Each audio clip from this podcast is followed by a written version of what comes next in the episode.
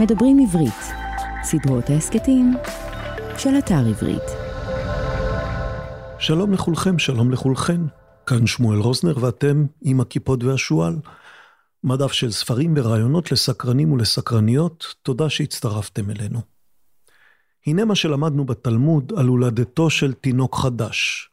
דרש רבי סמלי, למה הוולד דומה במעי אמו לפנקס שמקופל ומונח ידיו על שתי צדעיו, שתי אציליו על בית ארכובותיו, ובית עקביו על בית עקבותיו, וראשו מונח לו בין ברכיו, ופיו סתום וטבורו פתוח, ואוכל ממה שאמו אוכלת, ושותה ממה שאמו שותה, ואינו מוציא רי שמא יהרוג את אמו, וכיוון שיצא לאוויר העולם, נפתח הסתום ונסתם הפתוח, שאלמלא כן אינו יכול לחיות אפילו שעה אחת. ונר דלוק לו על ראשו, וצופה ומביט מסוף העולם ועד סופו. אנחנו מדברים על התינוק הזה, כן?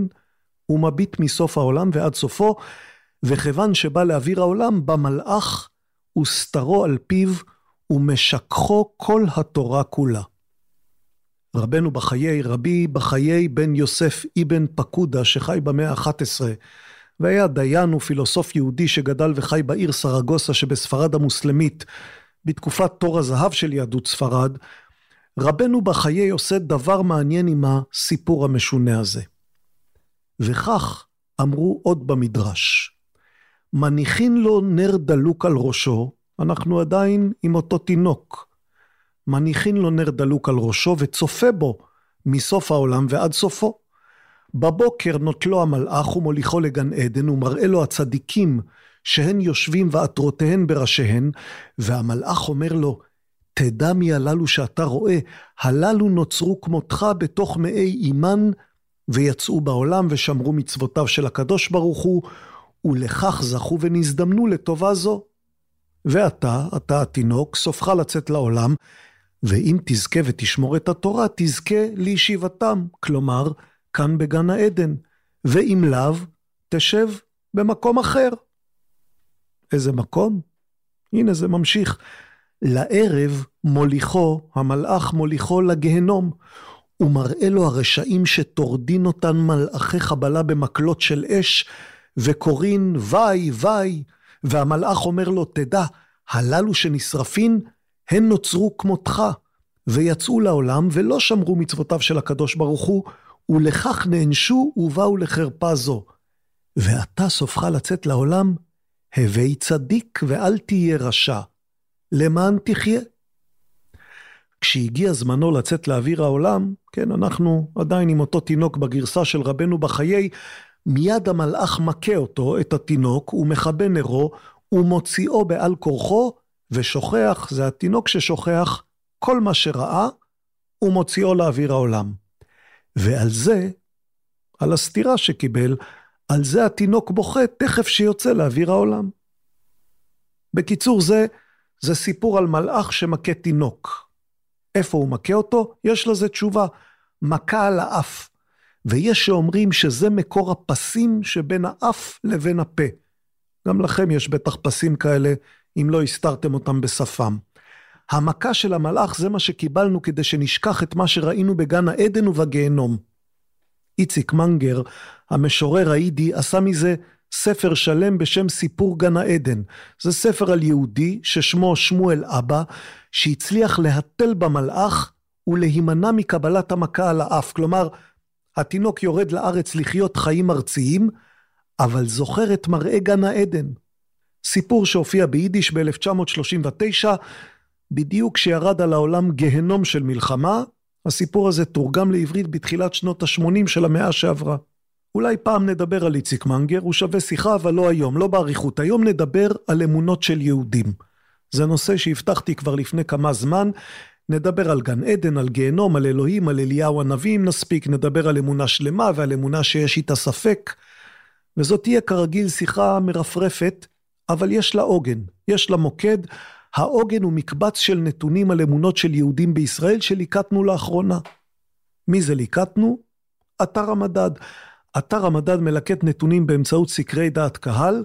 השותפים שלי באתר, פרופסור קמיל פוקס ונוח סלפקוב, עבדו איתי על המיזם הזה של אמונות, וגם אנשי כאן חדשות היו שותפים. וגם יותר מאלפיים משיבים שטרחו וענו על הסקר. הוא מלמד אותנו הרבה דברים מעניינים על אמונות של ישראלים, ועל חלק מהאמונות האלה, על חלק מסוים נדבר היום. ממש עוד רגע, ממש עוד רגע נתחיל. לפני זה נזכיר שאנחנו מקליטים בזמן מלחמה, שלא ייראה כאילו שכחנו. אנחנו מקליטים בזמן מלחמה ומנסים להתרחק ממנה בהסכת הזה, לא בגלל שהיא לא חשובה, היא הכי חשובה.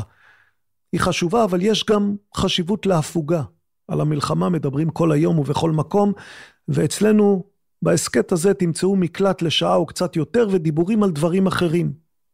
אבל אנחנו כן זוכרים שהכי חשוב לנצח, והכי חשוב שיחזרו כל החטופות והחטופים, ואנחנו מתפללים עם כולם שיחזרו כולם, החטופים והחיילים והאזרחים, כולם יחזרו בשלום. אגב, וזה במאמר מוסגר, ולא נדבר על זה בהמשך, גם האמונות של ישראלים שעליהן נדבר היום, גם הן יושפעו, או לפחות אולי יושפעו, מהמלחמה וממה שיבוא אחריה. מלחמות נוטות לשנות תפיסות עולם ואמונות, כך שיהיה מעניין לחזור ולמדוד כמה מהדברים שמדדנו עכשיו, עוד שנה או שנתיים, ולראות אם הייתה תזוזה משמעותית באמונות של ישראלים. יש מלחמות, כמו מלחמת יום כיפור, שהביאו בדיוק לתזוזות כאלה. סדרת ההסכתים שלנו, הכיפות והשועל, נעשית בשיתוף עברית, אתר התוכן הספרותי הגדול בישראל, המציע לקרוא בכל דרך ספרים דיגיטליים, קוליים ומודפסים. אנחנו מזמינים אתכם לאתר שלנו, kipshu.com, kipshu.com, כדי להאזין לכל ההסכתים הקודמים וכדי לראות איזה ספרים אנחנו מוציאים. גם כדי לקרוא קצת מאמרים ולדפדף בקצת קריקטורות, והכי חשוב, אם תזכרו להירשם לניוזלטר שלנו. תקבלו אותו פעם בחודש עם עדכונים כדי שתוכלו לעקוב אחרינו. עכשיו לאמונות. לאמונות של יהודים בישראל. למה הם מתכוונים כשהם אומרים שהם מאמינים? למה הם מתכוונים כשהם אומרים שהם לא מאמינים? ומה הם חושבים על אלוהים ועל בריאת העולם ועל יציאת מצרים ועל גן עדן, על מוסר ודת, על תפילות, על שכר ועונש, על ניצחון במלחמה? הנה, אפילו זה קשור, אפילו זה מתחבר. אמונה והרבה מאוד דברים, כולל ניצחון במלחמה, מיד אחרי האות.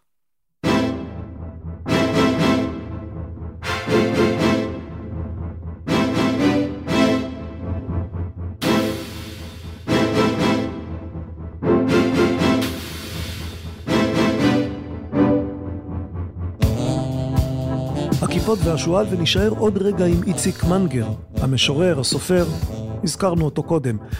ניזכר בשיר שהוא כנראה השיר הכי מפורסם שלו בעברית. וכשאני אומר מפורסם, אני לא מתכוון נועה קירל מפורסם, אני מתכוון מפורסם במובן זה שמי שכבר עבר את גיל 50, אולי זוכר אותו. ומי שעבר את 70, אם זיכרונו עוד מספיק מחודד, אולי עוד יותר זוכר אותו. זה שיר על אברהם ושרה, שתרגמו גם חיים חפר וגם בנימין טנא, והלחינו גם דובי זלצר וגם מישה סגל. וביצעו גם שושנה דמארי ואריה אליאס, וגם אחר כך אריק איינשטיין, בתקליט פוזי. זה תקליט שיצא ממש בסוף שנות ה-60, שנה אחרי שנולדתי, וזה הביצוע המוכר יותר, לפחות בדור שלי, לשיר הזה של איציק מנגר. הנה מילות הבית הראשון. אבריימל, מתי יהיה לנו בן? הן אנו זוג בה בימים. אבריימל זה אברהם, אברהם אבינו, כן? אבריימל, מתי יהיה לנו בן? הן אנו זוג בה בימים. כל אישה בגילי הרתה לפחות שמונה עשרה פעמים. אברהם מחייך ושותק, מוצץ מקטרתו בכל פה, ביטחון זוגתי, ברצות אלוהים, אפילו מטאטא יורה. כן, אפילו מטאטא יורה. ברצות אלוהים, נכון? זה תלוי בסוג האמונה שלכם ובסוג האלוהים שלכם. סקרים על אלוהים מולידים תוצאות שלא תמיד מסתדרות זו עם זו, כי נוסח השאלה מאוד משפיע והדרך שבה משקללים את התשובות לפי גיל או עמדה פוליטית או השתייכות למגזר כזה או למגזר אחר. בסקר שלנו של יהודים בישראל 2023 היה רוב קטן יחסית של מאמינים, 52 אחוזים, אבל היו עוד 13 אחוזים שאמרו שהם לא יודעים, כלומר הם לא יודעים אם יש או אין אלוהים, והיו גם 35 אחוז שאמרו שהם לא מאמינים. וכאן צריך הערת אזהרה, זה שיעור גבוה יחסית שלא מאמינים לסקרים. שיעור גבוה לעומת סקרים אחרים. יכול להיות שזה מעיד על שינוי כלשהו בחברה הישראלית, או שזה מעיד על משהו בסקר שלנו שיצא קצת שונה מסקרים אחרים בעניין הזה. בסקרים אחרים שנעשו בעשור וחצי האחרונים, כולל סקר מוקדם יותר של אותו צוות במסגרת המיזם יהדות ישראלית, נמצאו בין 70 ל-80 אחוזים של מאמינים, ומצד שני בחלק מהסקרים האלה לא הייתה אפשרות לומר לא יודעים, וגם עבר מהם קצת זמן, ודברים כאלה יכולים להשתנות, ובכל מקרה, מה זה בדיוק אומר מאמין או מאמינה באלוהים? במה בדיוק מאמינים המאמינים? נקרא משהו, כי בהסכתים האלה אנחנו עוסקים ברעיונות, אבל גם בספרים. אז הנה מתוך הספר היפה, אלוהים מאמין באדם, שהוא אוסף מכתביו של הרב אברהם יהושע אשל. זה קטע שעוסק בהבדל בין אמונה לבין יראת שמיים. הרי שאלנו, מה זאת אמונה? אז הוא עוסק בהבדל בין אמונה לבין יראת שמיים. השל קורא לאמונה מידת דעת, וליראת שמיים מידת חיים, ונדמה שהוא בהחלט מעדיף את מידת החיים על מידת הדעת. אבל הנה, תקשיבו אתם ותשפטו. יראת שמיים ואמונה אינן היינו הך, כך כותב השל. וטעות היא לראותן כשתיים שהן אחת. אפשר לה לאמונה להיות בלי יראת שמיים, ואפשר לה ליראת שמיים להיות בלי אמונה. יש והאמונה הולכת לפני יראת שמיים, ויש שיראת שמיים מהלכת יחידה בדרך לא סלולה, וראוי לעמוד על הקווים המשותפים והמבדילים ביניהן. יראת שמיים אינה רק הסכמת לב למופלא, קבלת התעלומה ברצון, אלא ניסיון להתאים אליהם את החיים, השתדלות לסגל את הטבעי לרוחני. אין לי עסק בנסתרות, בקשת סוד החיים, התאמצות לגלות משמעות הוויה, אלא איזון ושיקול החיים לפי משמעות מקובלת. לשון אחר, כותב השל, אין היא לא חיפוש ולא חקירה, לא תגלית ולא חידוש, אלא חזון, ראייה פשוטה בנעלה. בה לא ההשקפה עיקר כי אם הרושם, לא ההכרה כי אם הוקרה, לא כוח התבונה כי אם אמיתת הלב. אין היא מהלך מחשבה כי אם גישה למציאות. ליבו של ירא שמיים ער לגבוה שבשפל, לרוחני שבחומרי, לנשגב שברגיל ושכיח. אין הוא מכוון להשיג גבול הקודש, לחדור לפנים מן הקלעים ולשלוח יד בגנזי נסתרות. להתים, מגיה, תועבה אין לו. חילוף הדברים, הוא רוצה להשתעבד, להיות נחדר ונפעל על ידי הנשגב. כמיהתו היא להיות תמים דעים ותמים מעשים עם האלוהים. עשויה יראת שמיים לגרור פעולה אחריה, אבל אין היא פעולה כשהיא לעצמה. מהותה אינה הצורה המוצקת והקבועה שבקיום מצוות ומעשים טובים, אלא עניין הניתן לשיעורים, עניין שוטף ורופף. מהותה היא הכוונה, הזהירות והחיבה המשוקעות בקיומם של מצוות ומעשים טובים, מנוחת הנפש שבמעשה החיצוני. היא בעיקר קליטת בת קול היוצאת בכל יום מכל מקום, מן הרם והשפל, קליטת הד תעלומה של סתר עליון, הלובשת צורת פעולה. עד כאן דיברנו על יראת שמיים. האמונה, כותב השל, היא דרך מחשבה, מידת דעת.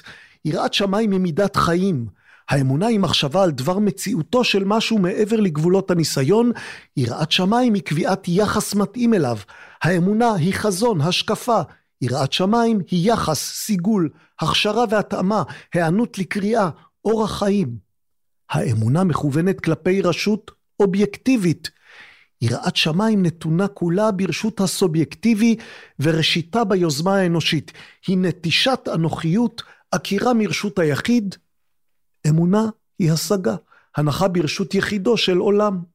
על פי רוב, וזאת תהיה פסקה אחרונה מהשל, על פי רוב אמונה קודמת ליראת שמיים, המשמשת השלמה לאחותה בהוצאת מחשבות האמונה לפועל, כי לא די לו לירא שמיים להבין ולהשכיל את עיקרי האמונה.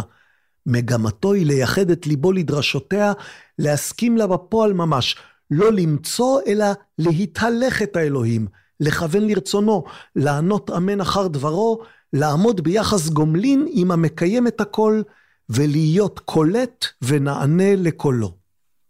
עד כאן, מתוך אלוהים מאמין באדם, היהדות, הציונות והצדק החברתי של אברהם יהושע אשל. ספר מעניין. ספר מעניין למרות שאני מודה שלא תמיד קל לי לרדת לסוף דעתו של השל. אולי זה מחסור ברוחניות שאני לוקה בו, ואולי מחסור בתבונה. כך או כך, ברור שאמונה ויראת שמיים הם דברים מורכבים, שניהם מורכבים, ואפשר לשאול עליהם הרבה שאלות שבני אדם מסוגלים להשיב עליהם לפחות תשובה אינסטינקטיבית, להסביר מה הם מרגישים. הגר להב ניסתה לעשות את זה בספר חילוניות מאמינות, ספר על הסוציולוגיה של אמונה בנוף החילוני בישראל. זה ספר שכתוב בז'רגון קצת אקדמי, אבל יש בו הרבה ראיונות ועדויות של נשים חילוניות ומאמינות, חילוניות ומאמינות. דוקטור להב היא מרצה במכללת ספיר, ובספר היא מנסה לשרטט קבוצה שהיא בפירוש חילונית ובפירוש מאמינה.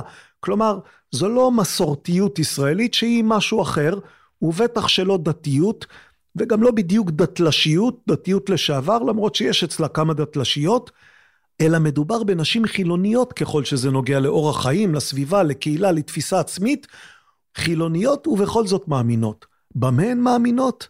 אה, זה לא קל להסביר. הנה הגר להב. בניגוד לנכונות הרבה של המרואיינות לדבר על אמונתן, נכונותן לומר במה בדיוק הן מאמינות הייתה נמוכה הרבה יותר, זה כותבת הגר להב.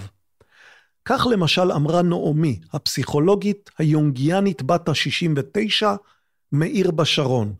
וכאן יש ציטוט מהעדות של אותה נעמי.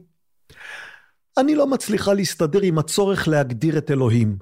בשלב מסוים הנחתי לזה, דווקא בהשפעת רבי נחמן מברסלב, שכתב על השלכת הראש, להפסיק לחשוב ולהתחבר לאמונה. הרגשתי שזה הדבר הכי נכון לי, כי אם אני מנסה להגדיר את הדברים בצורה הגיונית, אני לא יוצאת מזה. אז אני בוחרת במכוון לא לעסוק בהגדרות, כי זה מבלבל אותי. זה לא נותן לי שום דבר, זה מפריע לי, ואני מרגישה שיותר נכון להתמקד בחוויה של האמונה. בכל זאת, זה כבר שוב אגר להב, למרות שיטת השלכת הראש שנעמי ממליצה עליה בעקבותיו של רבי נחמן מברסלב, אין בחקר האמונה אפשרות ממשית להתעלם מטענות האמת שהיא נושאת. אמונה איננה יכולה להתקיים מבלי שיהיו בה הנחות כלשהן, ולו המעורפלות ביותר, באשר לדבר שבו בוטחים. במילים אחרות, אמונה ב, במשהו, איננה יכולה להתקיים במנותק לחלוטין מאמונה ש, אמונה שמשהו. כמה מהמרואיינות של הגר להב ניסו ליצור הפרדה כזאת. גם כאשר התבקשו להסביר באופן מפורש מהו הדבר שבו הן מאמינות, אחדות סירבו לעשות זאת כלל, ואחרות התקשו בכך מאוד. כך למשל, בשתי הדוגמאות האלה, ושוב, ציטוט מתוך העדויות. בעבר, זאת אחת העדויות, בעבר ניסיתי לנסח לעצמי מה זאת ההוויה הזאת. אבל בסופו של דבר החלטתי שאולי יש משהו ילדותי בלנסות לתת שם או הגדרה בכלל לכל דבר. בשביל מה לתת הגדרה למשהו כל כך אמורפי ממילא כמו אלוהים? זה כמו לנסות להגדיר מה זאת אהבה. זה חסר טעם. מי אומרת? אומרת סיגל, בת 39, דוקטורנטית לעבודה סוציאלית מתל אביב. והנה עוד עדות. אני מתקשה להגדיר לעצמי מה זה אלוהים, וזה גם לא מאוד מטריד אותי. אם זאת ישות אחת שצופה על הכל או מכוונת את הכל, או שיש מערך של כוחות, או אם זה אנרגטי, או אפילו אם זה משהו או מישהו מכוכב אחר, כמו כמה פרשנויות משונות ששמעתי, לא ממש מטריד אותי מזה בדיוק. איך הוא נראה, איפה הוא יושב, מה הוא עושה, ועם איזו תוכנה הוא עובד. לא מפריע לי שיש חורים בגבינה. נוח לי להתנהל ככה כשזה מאוד ארטילאי. אני לא מרגישה שאני אוסיף לעצמי משהו אם אדע או אחליט מה זה, כי ממילא אני לא באמת יכולה לדעת. אני לא מרגישה שזה יחזק אצלי משהו באמונה שיש כוח עליון. זאת נירית, בת 45, מטפלת אלטרנטיבית מקיבוץ באזור יוקנעם. מתוך הספר חילוניות מאמינות של הגר להב, סוציולוגיה של אמונה בנוף החילוני בישראל. את מי שאמרו שהם מאמינים בסקר שלנו, שאלנו אם הם מאמינים בהשגחה פרטית, כלומר, מאמינים שהאל משגיח על כל אדם ואדם. רובם, רוב המשיבים, שמונה מכל עשרה מאמינים אמרו שכן, שהוא משגיח, וזאת תשובה מעניינת וקשה מאוד, כי השגחה אישית היא דבר מסובך. מה, הוא למעלה, או היא, באמת מתעניין בכל אחד ואחת מאיתנו? הוא מקשיב עכשיו להסכת שלנו כדי לדעת מה אני חושב, והאם אתם המאזינים מהנהנים בראש? בואו נראה אם תעננו כשתשמעו איך ישעיהו ליבוביץ', פרופסור ישעיהו ליבוביץ', איך הוא פירש את הרמב"ם על העניין הזה. בעצם ליבוביץ' מסביר מה לדעתו הרמב"ם חושב על השגחה פרטית, הנה זה מתוך חמישה ספרי אמונה של ליבוביץ'. לפי הגישה הפשטנית, יכולתי לעשות כאן חיקוי של ליבוביץ', אבל נחסוך לכם את השעשוע הזה. לפי הגישה הפשטנית, ההבחנה בין השגחה כללית ובין השגחה פרטית היא לכאורה דבר קשה מאוד. אם קיימת השגחה כללית, במובן זה שקיימים חוקי טבע הנקבעים על ידי אלוהים, והאדם הוא חלק מן הטבע, הרי שלא יוכל להתקיים מעמד אינדיבידואלי מיוחד לכל אדם ואדם, ואם כן, מה משמעותה של ההשגחה הפרטית? ואם קיימת השגחה פרטית הקובעת את גורלו של כל אדם ואדם, כי אז לא ייתכן קיומה של השגחה כללית הבאה לידי ביטוי בחוקי טבע כלליים. את הבעיה הזאת פתר הרמב"ם על ידי הבחנה בין שני המושגים האלה של השגחה. ההשגחה הכללית אומנם חלה על האדם באשר הוא חלק מן הכלל הטבעי שקבע אלוהים, אבל כל אדם יכול להגיע לידי השגחה אינדיבידואלית בכך שיגיע להכרת אלוהים. ההשגחה הכללית זה עדיין ליבוביץ'. ההשגחה הכללית היא באמת שפע שיורד מאלוהים על העולם כמות שהוא. שפע שנכלל בו גם האדם, שפע שהוא עצם קיום העולם על החוקיות שבו. ואילו ההשגחה הפרטית, ושימו לב, זאת נדמה לי האמירה הכי חשובה כאן, ההשגחה הפרטית היא מה שהאדם עצמו מסוגל להשיג על ידי שהוא מכיר את אלוהים. אם כך, אומר ליבוביץ', שני המושגים האלה, לא זו בלבד שאין הם סותרים זה את זה, אלא הם משלימים זה את זה, באשר הם מבטאים שני מישורים של האמונה. אמונה בדרך שאלוהים מתייחס לאדם, זאת ההשגחה הכללית, במובן שאלוהים הוא יוצר העולם, ואמונה זאת ההשגחה הפרטית בחובתו של האדם להתייחס לאלוהים בדרך הכרתו האמיתית. לפי זה, ההשגחה הכללית היא מהות העולם. אין היא תלויה באדם ולא בשום דבר בעולם. ההשגחה הכללית היא החסד האלוהי המקיים את העולם, בין שאני מודע לכך ובין שאיני מודע לכך. ולעומתה, ההשגחה הפרטית איננה דבר שישנו. הדגשתי פה בקו את המילים האלה. ההשגחה הפרטית איננה דבר שישנו. היא ההכרה שהאדם מכיר את השם, והיא תלויה באדם.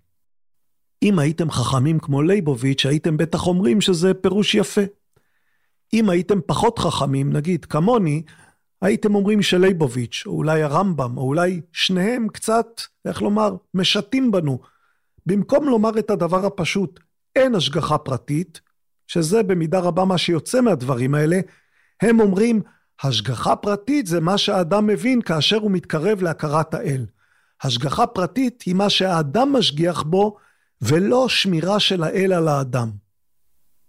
לייבוביץ' עצמו, שהיה איש שהשתמש לפעמים בביטויים חריפים מאוד, אמר פעם אפילו ככה, אם אתה מבין את המושג השגחה במובן העממי, אז גם נשרפו שישה מיליון יהודים בתאי הגזים בעזרת השם.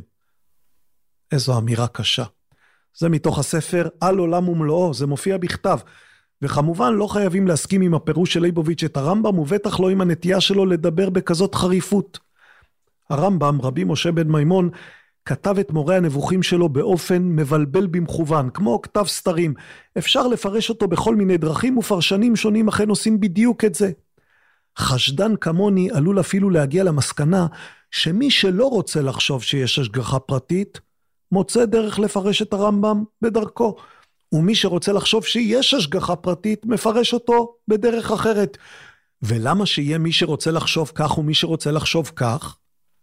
נגיד את זה בצורה מאוד פשטנית, כי אחרת ניגרר כאן לדיון ארוך מאוד על השגחה פרטית והמחלוקת שנוגעת אליה, ובמקום לדבר על אמונות של ישראלים, נדבר על ויכוח פילוסופי אינסופי וקצת מייגע, שאין כנראה שום דרך לסיים אותו. אז למה חשוב להגיד שיש השגחה פרטית? כי הרבה מאוד דברים תלויים בזה. לדוגמה, חזרה בתשובה. כשאתם עומדים ביום כיפור ומבקשים, סלח לנו, מחה לנו, כפר לנו, אתם אומרים את זה ביום כיפור, נכון? ואם אתם לא אומרים, אתם יודעים שיש אחרים שאומרים. סלח לנו, מחה לנו, כפר לנו. מה, מה אתם בעצם מבקשים? אתם מבקשים השגחה פרטית, אז כנראה שאתם מאמינים בהשגחה פרטית. ויש כמובן עוד הרבה מאוד טקסים ותפילות וסיפורי מקרא וסיפורי חסידים, שכולם מבוססים על ההנחה שישנה השגחה פרטית. בלעדיה, למה בכלל להתפלל? אני יודע, אני יודע שיש גם לזה תשובה, אבל זו תשובה שאיך לומר, תוציא להרבה מאוד יהודים את החשק להתפלל. אז למה לא להאמין בהשגחה פרטית? כי קשה מאוד להאמין בהשגחה פרטית אם בוחנים את ההשלכות הפילוסופיות שלה. מיכאל אברהם, דוקטור הרב מיכאל אברהם, שהתארח אצלנו כאן בהסכת לפני שנה או משהו כזה, וכדאי לכם ללכת ולשמוע את השיחה המרתקת איתו, הוא כתב על זה בטרילוגיית הספרים שלו, בספר השני שנקרא אין אדם שליט ברוח. מה שכתב שם עורר ויכוחים גדולים עם כל מיני רבנים ופילוסופים, בעיקר דתיים, שחלקו עליו כי כאמור, קשה פילוסופית עם השגחה פרטית, וקשה רוחנית בלי השגחה פרטית. ונעזוב את זה כאן, כי אחרת כאמור, לא נצא מזה אף פעם. אבל כן נישאר עם העניין של תפילות. כי אחד הדברים שבדקנו בסקר האמונות שלנו, זה אם וכמה ישראלים מתפללים. קודם כל צריך לומר שהרוב מתפללים. לא בהכרח כל יום, לא בהכרח כל שבוע, אבל לפעמים, לפעמים הם מתפללים. רק רבע מהיהודים בסקר אמרו לנו שלא התפללו אף פעם לשום דבר. 26 אחוז. אלה אמרו שלא התפללו מעולם לשום דבר, רובם כמובן אנשים שמגדירים את עצמם חילונים.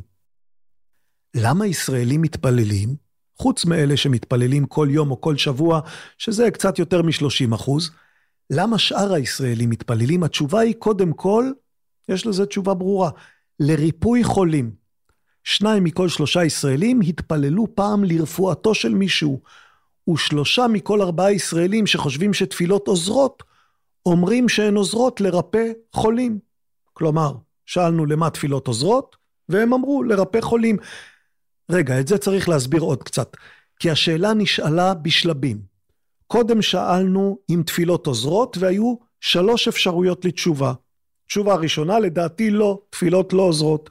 תשובה שנייה, לדעתי כן, תפילות כן עוזרות. תשובה שלישית, לא יודע או לא יודעת, כלומר, אין לי מושג אם תפילות עוזרות. 37 אחוז, קצת יותר משליש מהישראלים אמרו לנו שלדעתם תפילות אינן עוזרות. השאר אמרו לדעתי כן, קצת יותר ממחצית, או לא יודע, קצת יותר מעשרה אחוז. אחרי ששאלנו אם התפילות יכולות לעזור, זאת השאלה הראשונה, והנוסח המדויק של השאלה היה האם תפילות יכולות לעזור בשינוי המציאות. כך ניסחנו את זה, האם תפילה יכולה לעזור בשינוי המציאות. אחרי ששאלנו את זה, האם תפילה יכולה לעזור, שאלנו איך היא יכולה לעזור. אבל את השאלה הזאת שאלנו רק את מי שכבר אמרו לנו שתפילות עוזרות או שהם לא יודעים. כלומר, את השליש בערך שאמרו שתפילות לא עוזרות, לא שאלנו איך הן עוזרות, כי הם כבר אמרו לנו שלדעתם הן לא עוזרות, אז אין טעם לשאול איך. את אלה שאמרו שכן, שאלנו כך, לדעתך או לדעתך, כאשר תפילה עוזרת, מה הדבר העיקרי שגורם לה לעזור? כאן, כאן היו ארבע אפשרויות לתשובה. תשובה ראשונה, היא עוזרת כי אלוהים שומע ופועל לעזור למי שמתפלל או מתפללת. תשובה שנייה, זה לא קשור לאלוהים. התפילה משפרת את המצב הנפשי של מי שמתפלל או מתפללת, וזאת העזרה האמיתית של התפילה. תשובה שלישית, תפילה מחוללת שינוי בעולם בדרך מסתורית שאיננו מבינים. תשובה רביעית, כמו בפעם הקודמת, לא יודעים. כלומר, אנחנו יודעים, כי כבר אמרנו לכם שתפילות משנות את העולם, או עוזרות לשנות את העולם, אבל אנחנו לא יודעים איך. אז נחזור על התשובות. תשובה ראשונה, תפילות עוזרות, כי אלוהים מקשיב, שומע ופועל. תשובה שנייה, זה לא קשור לאלוהים, זה קשור למצב הנפשי של המתפלל עצמו. תשובה שלישית, זה דבר מסתורי שאנחנו לא יודעים להגדיר מהו, ותשובה רביעית, לא יודעים. אני מזכיר, זה מתוך מי שחושבים שתפילות עוזרות. כלומר, שליש מתוך השני שליש של יהודים שחושבים שתפילות עוזרות, חושבים שהן עוזרות כי אלוהים שומע. רגע, בעצם עוד לא אמרנו את האחוזים, אז נגיד אותם עכשיו. שליש, 37 אחוז אמרו לנו, אלוהים שומע ופועל לעזור למי שמתפלל. עוד בערך שליש, 33 אחוז אמרו לנו, זה לא קשור לאלוהים, זה עוזר למתפלל עצמו. ועוד 22 אחוזים אמרו לנו, תפילה מחוללת שינוי בעולם בדרך מסתורית, ועוד 8 אחוזים אמרו, לא יודעים. כלומר, ואני יודע שקשה לזכור את המספרים ואתם לא תזכרו אותם, זה גם לא כל כך חשוב. שליש חושבים שאלוהים עוזר, ועוד שליש חושבים שזה לא קשור לאלוהים אלא למצב הנפשי, ועוד חמישית אומרים שזה משהו מסתורי, משהו מסתורי בעולם. את אותם ישראלים, כל אלה שמאמינים שתפילה עוזרת או לא יודעים, שאלנו גם למה היא עוזרת. אתם שמים לב, זאת כבר שאלה שלישית, שאלנו אם היא עוזרת, שאלנו איך היא עוזרת, ועכשיו אנחנו שואלים למה היא עוזרת. למה היא עוזרת? התקבלה רשימה מעניינת. בראש הרשימה, כבר הזכרנו, ריפוי חולים. הרבה מאוד ישראלים התפללו לריפוי חולים, וזה מתאים לעובדה שהרבה מאוד ישראלים מאמינים שתפילה יכולה לעזור בריפוי חולים. 77 אחוז אמרו לנו שהיא יכולה לעזור בריפוי חולים. למה היא עוד יכולה לעזור חוץ מאשר לריפוי חולים? הנה תשובה אקטואלית מאוד לצערנו. היא יכולה לעזור לעם ישראל לנצח במלחמה.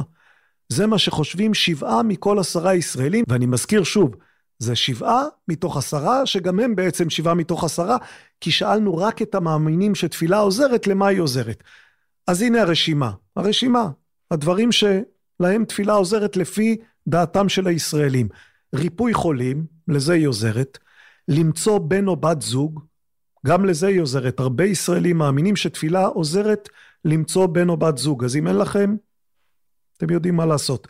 פרנסה, 70 אחוז אמרו לנו שתפילה יכולה לעזור לפרנסה, מלחמה, הזכרנו, הורדת גשם. כמעט 60 אחוז אמרו שתפילות יכולות לסייע בהורדת גשם. וגם לעבור בחינה. אם אתם לפני בחינה, תתפללו חזק. שיעור דומה של משיבים, כ-60 אחוז אמרו לנו שהתפילה יכולה לעזור לכם. שאלנו, ומה עם כדורגל? האם תפילה יכולה לעזור לקבוצה לנצח במשחק כדורגל? בערך 47 אחוזים אמרו לנו שכן, יש לה, יש לה יכולת לעזור גם בדבר הזה.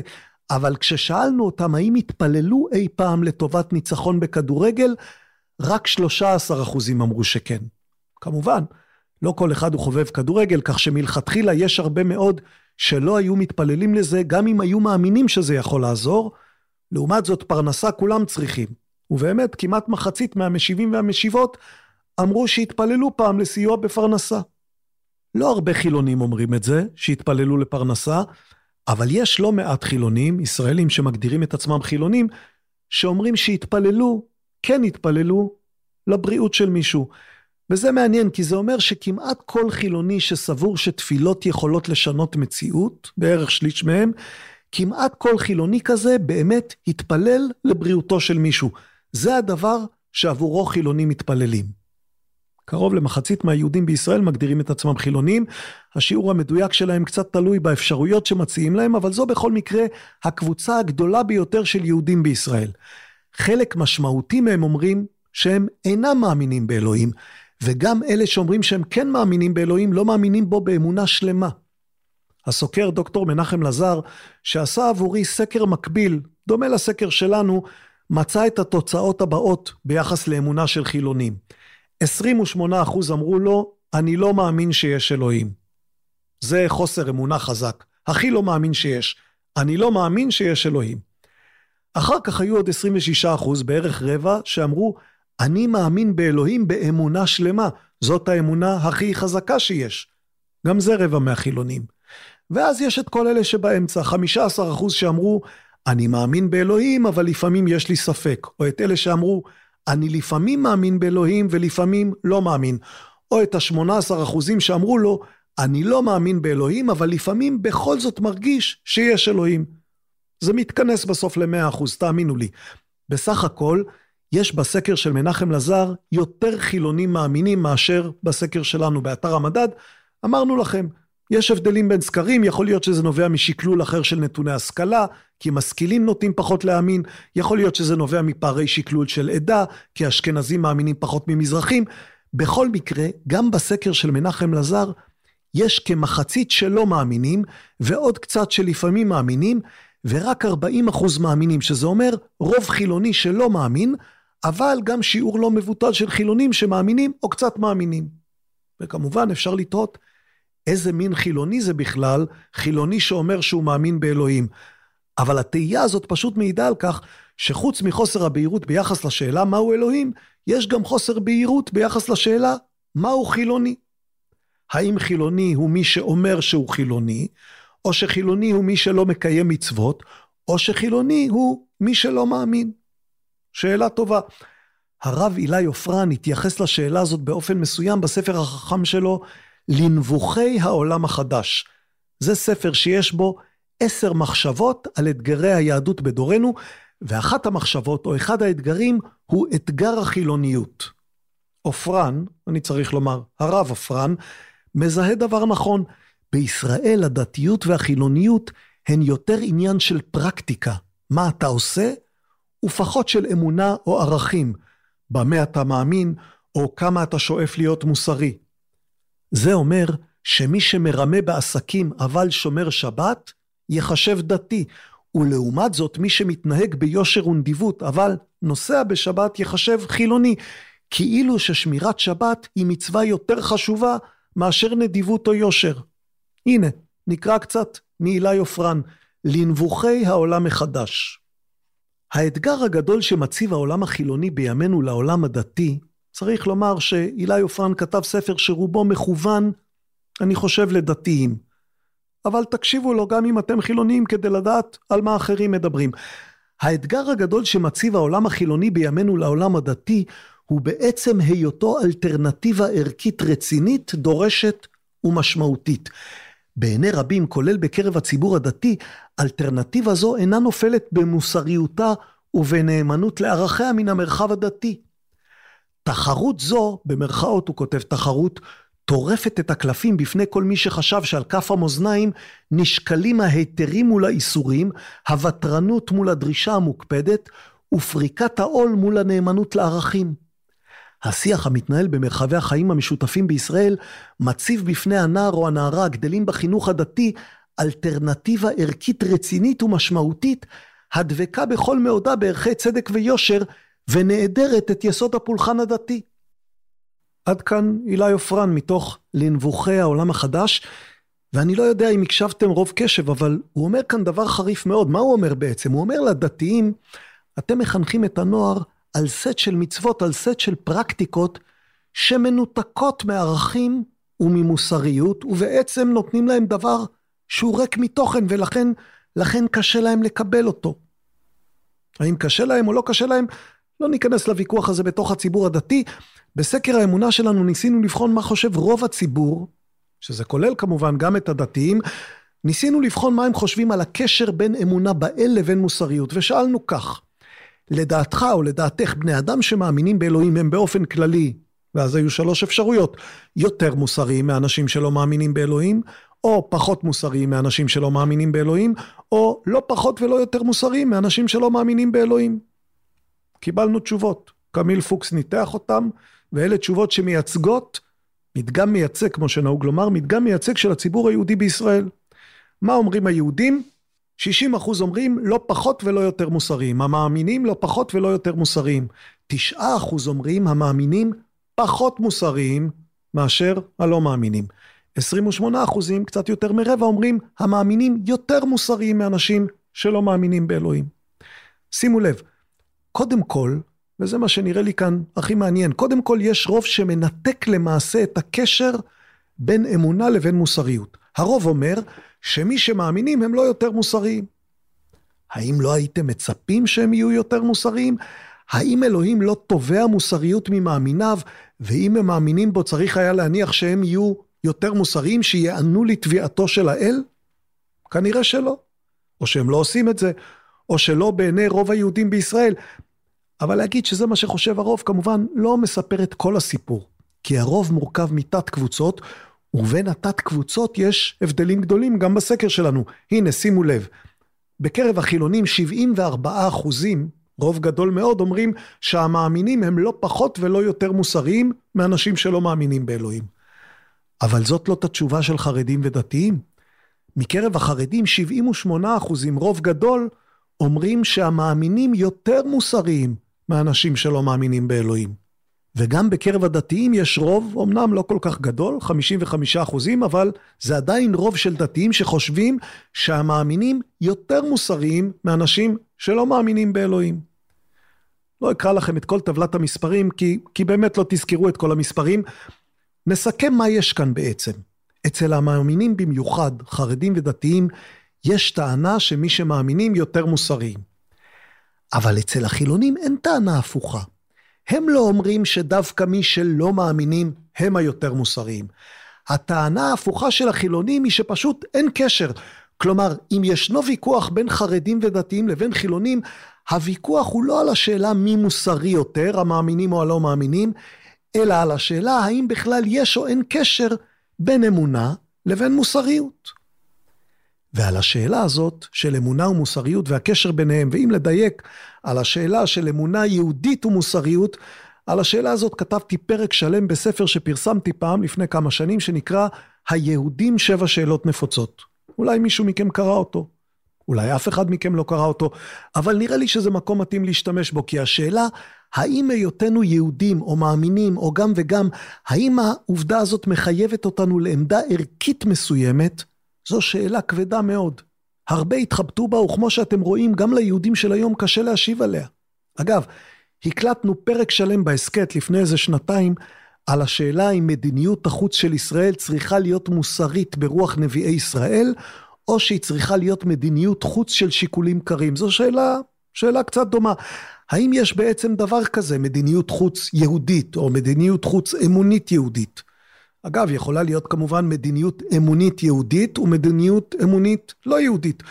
אולי מדיניות החוץ של איראן היא מדיניות חוץ אמונית, אבל לא יהודית? אולי, בעצם בעניין הזה אני די בטוח, מדיניות החוץ של ארצות הברית בימי הנשיא ג'ורג' W. בוש הייתה מדיניות חוץ אמונית, אבל לא יהודית. אנחנו מתחילים להתפזר. נחזור לשאלה של יהודיות, אמונה ומוסר. והבטחתי לקרוא משהו מתוך היהודים, שבע שאלות נפוצות. ספר שיצא לי לכתוב. אז נקרא, הנה. היהודים הם עם וכחני, ואלוהי היהודים ודאי יודע זאת. אברהם, אבי האומה, עמד מולו והתריס, האף תצפה צדיק עם רשע? משה, גדול הנביאים, שכנע אותו לא להשמיד את בני ישראל, וגם הנביא ירמיהו כעס על האל בלי חשש, וגם גדעון השופט החציף פנים, אך מכלל העימותים המוכרים יותר ופחות בין האדם לבין האל, מרתק במיוחד הוויכוח שניהל איתו שאול המלך ערב הקרב הגדול נגד עמלק. זה ויכוח שאינו מופיע בתיאור התנ"כי של המאורעות בספר שמואל, אלא רק בפרשנותו המאוחרת של התלמוד. סיפור הקרב מוכר ותוצאותיו מחרידות. מצד אחד, השמדה מלאה של עמלק, מצד אחר, הודעה על סופה הטרגי של ממלכת שאול, משום שהמלך לא השלים את המשימה כפי שהוכתבה לו. הוא לא השמיד את השלל העמלקי והשאיר בחיים את המלך אגג. אלא שראשית הסיפור אינה מבשרת על אחריתו. הנביא שמואל מצווה את שאול, לך והכית את עמלק.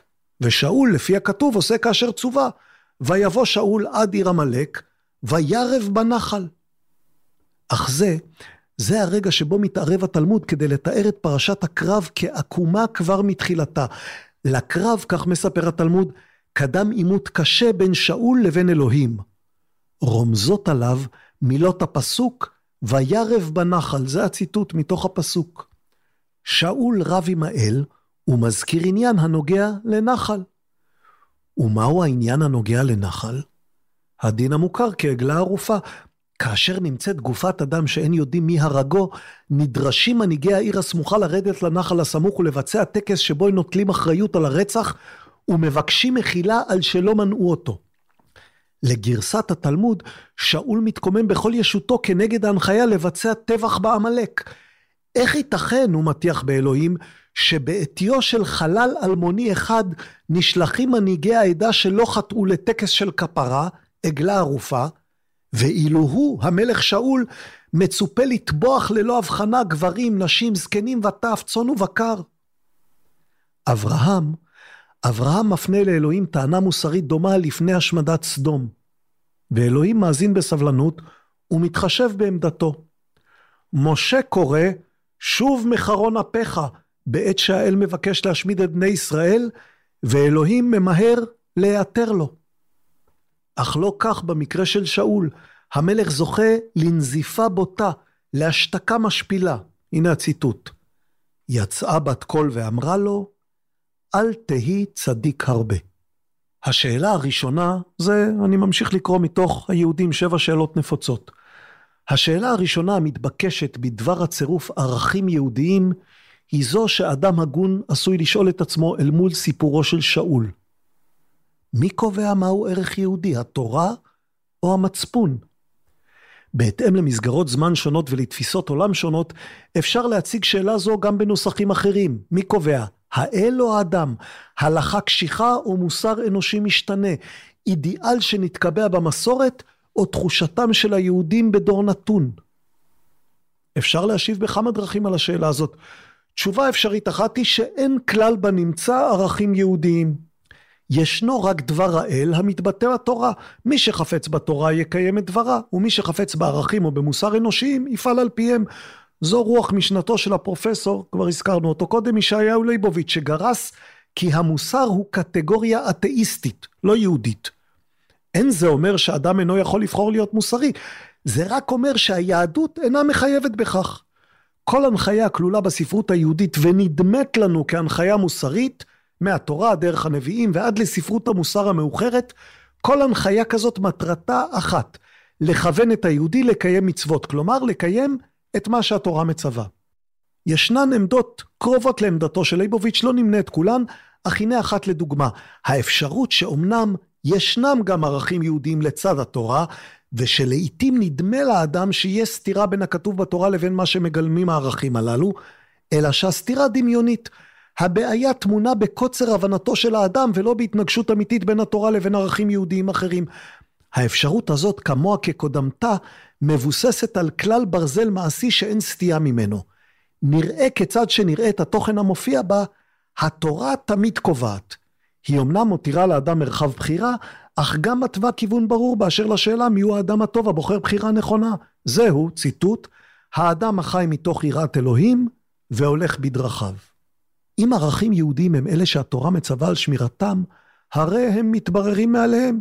שמירת השבת היא ערך, הדאגה לחלש היא ערך, לימוד התורה הוא ערך, השבת אבדה היא ערך, וגם שמירה על קדושת חיי האדם היא ערך, וגם השמדת עמלק, גברים ונשים, זקנים וטף, היא ערך. ואין סתירה בין כל הערכים האלה, משום שהם כולם נובעים מאותו מקור, האל והתורה. לכן, כאשר שאול מערער על ההנחיה שקיבל, הוא איננו מפגין אומץ לב מוסרי, אומץ ערכי מוסרי, אלא בלבול ערכי מוסרי. לרגע נשכח ממנו שהמוסר הוא מה שהאל קובע. לא מאברהם של סדום שאול היה צריך לקחת דוגמה, אלא מאברהם של עקדת יצחק, מאברהם שאינו מתבלבל כאשר הוא מקבל את הציוד שאין קשה ממנו לעיכול המצפון האנושי, הוא מציית בלי ויכוח. אבל ישנה כמובן, ותכף תכף נגמור עם היהודים שבע שאלות נפוצות, ישנה כמובן גם אפשרות נוספת. שישנם ערכים יהודיים ושהם מתנגשים לעיתים במה שכתוב במקורות המסורת היהודית. הערכים הללו נרכשו במהלכה של היסטוריה יהודית עתירת מאורעות ועל כן גם רוויה בלקחים מוסריים.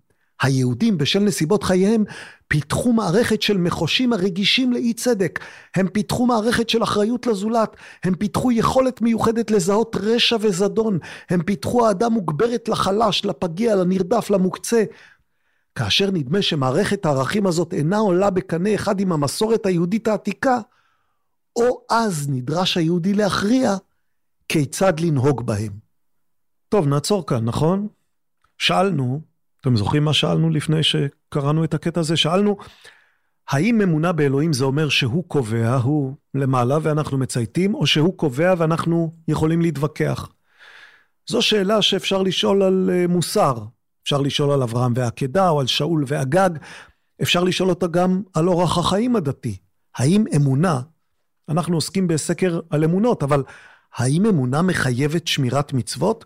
ברור לגמרי שבאופן מעשי יש הרבה יהודים שמאמינים ואינם שומרי מצוות.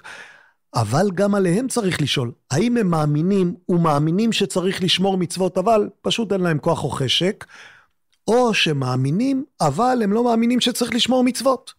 הרבה חוקרים ובעלי דעה שכותבים על המסורתיות הישראלית, מתווכחים בדיוק על השאלות האלה.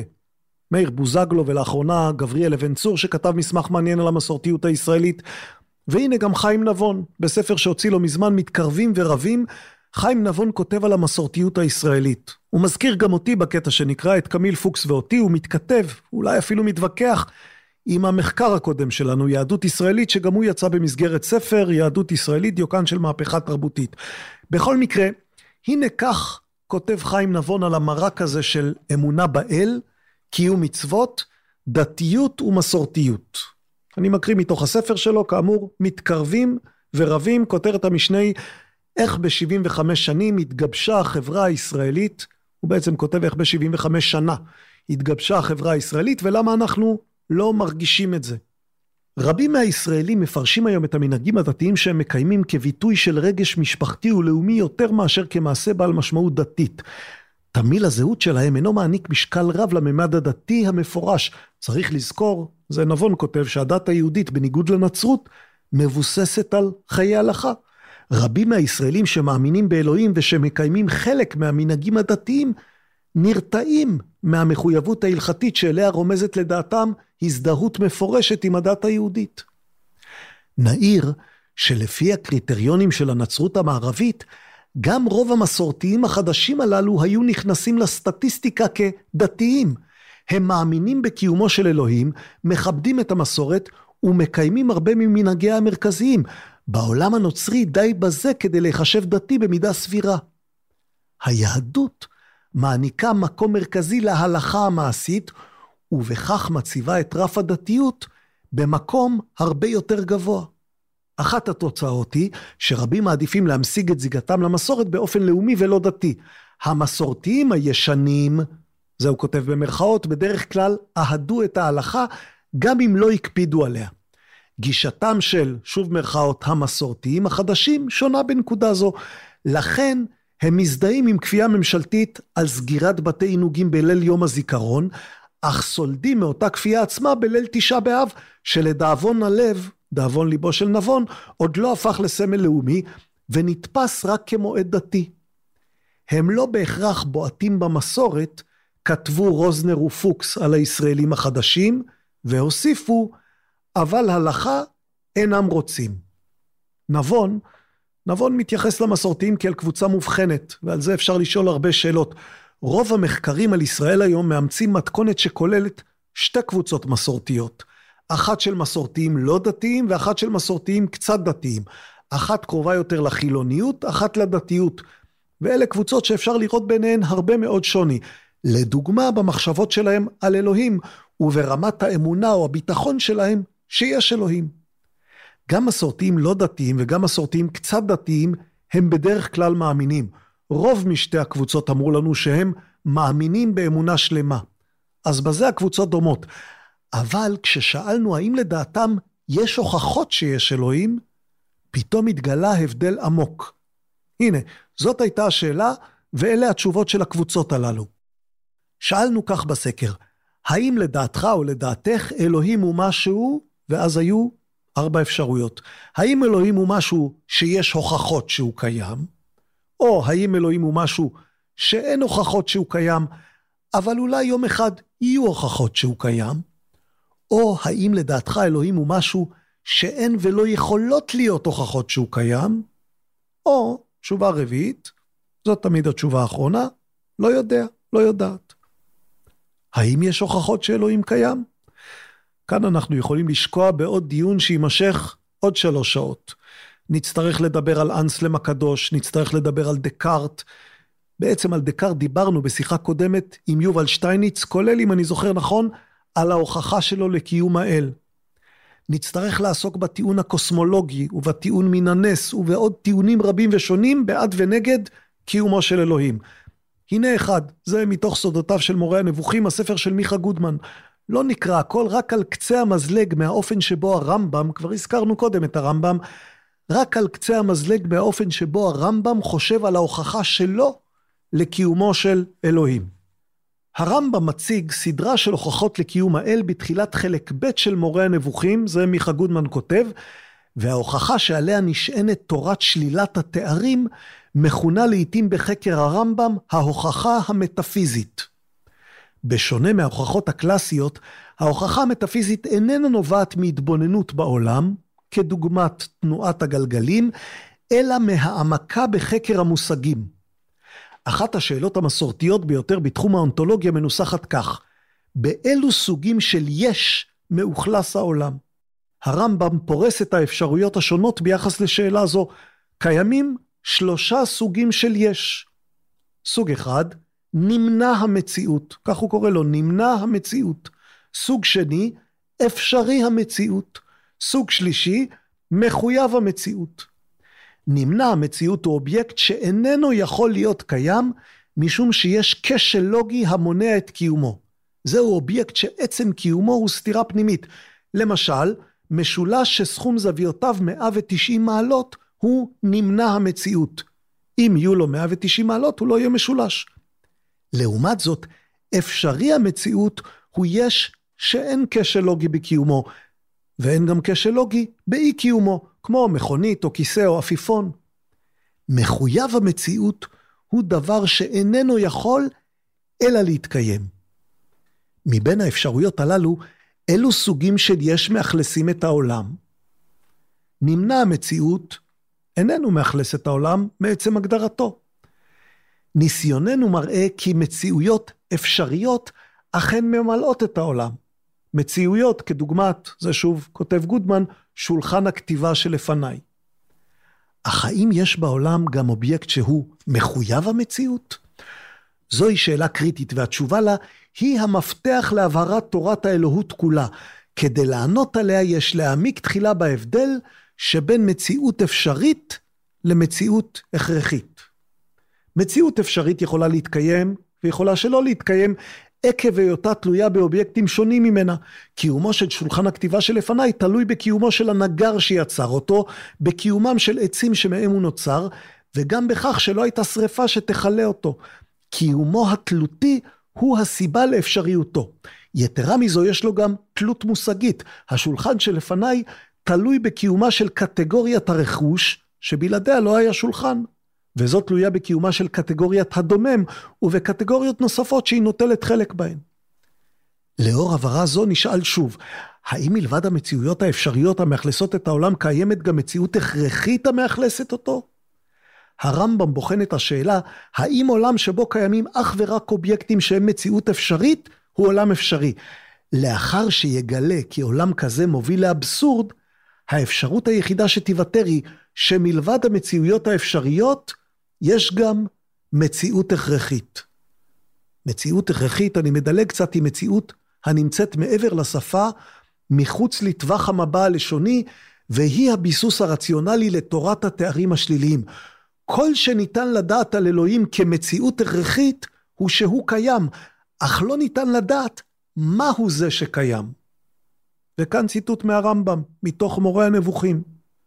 הוכח בהוכחה מופתית שהאל יתעלה הוא מחויב המציאות שאין בו הרכבה כפי שנוכיח הוכחה מופתית, ואין אנו משיגים אלא את עובדת היותו ולא את מהותו.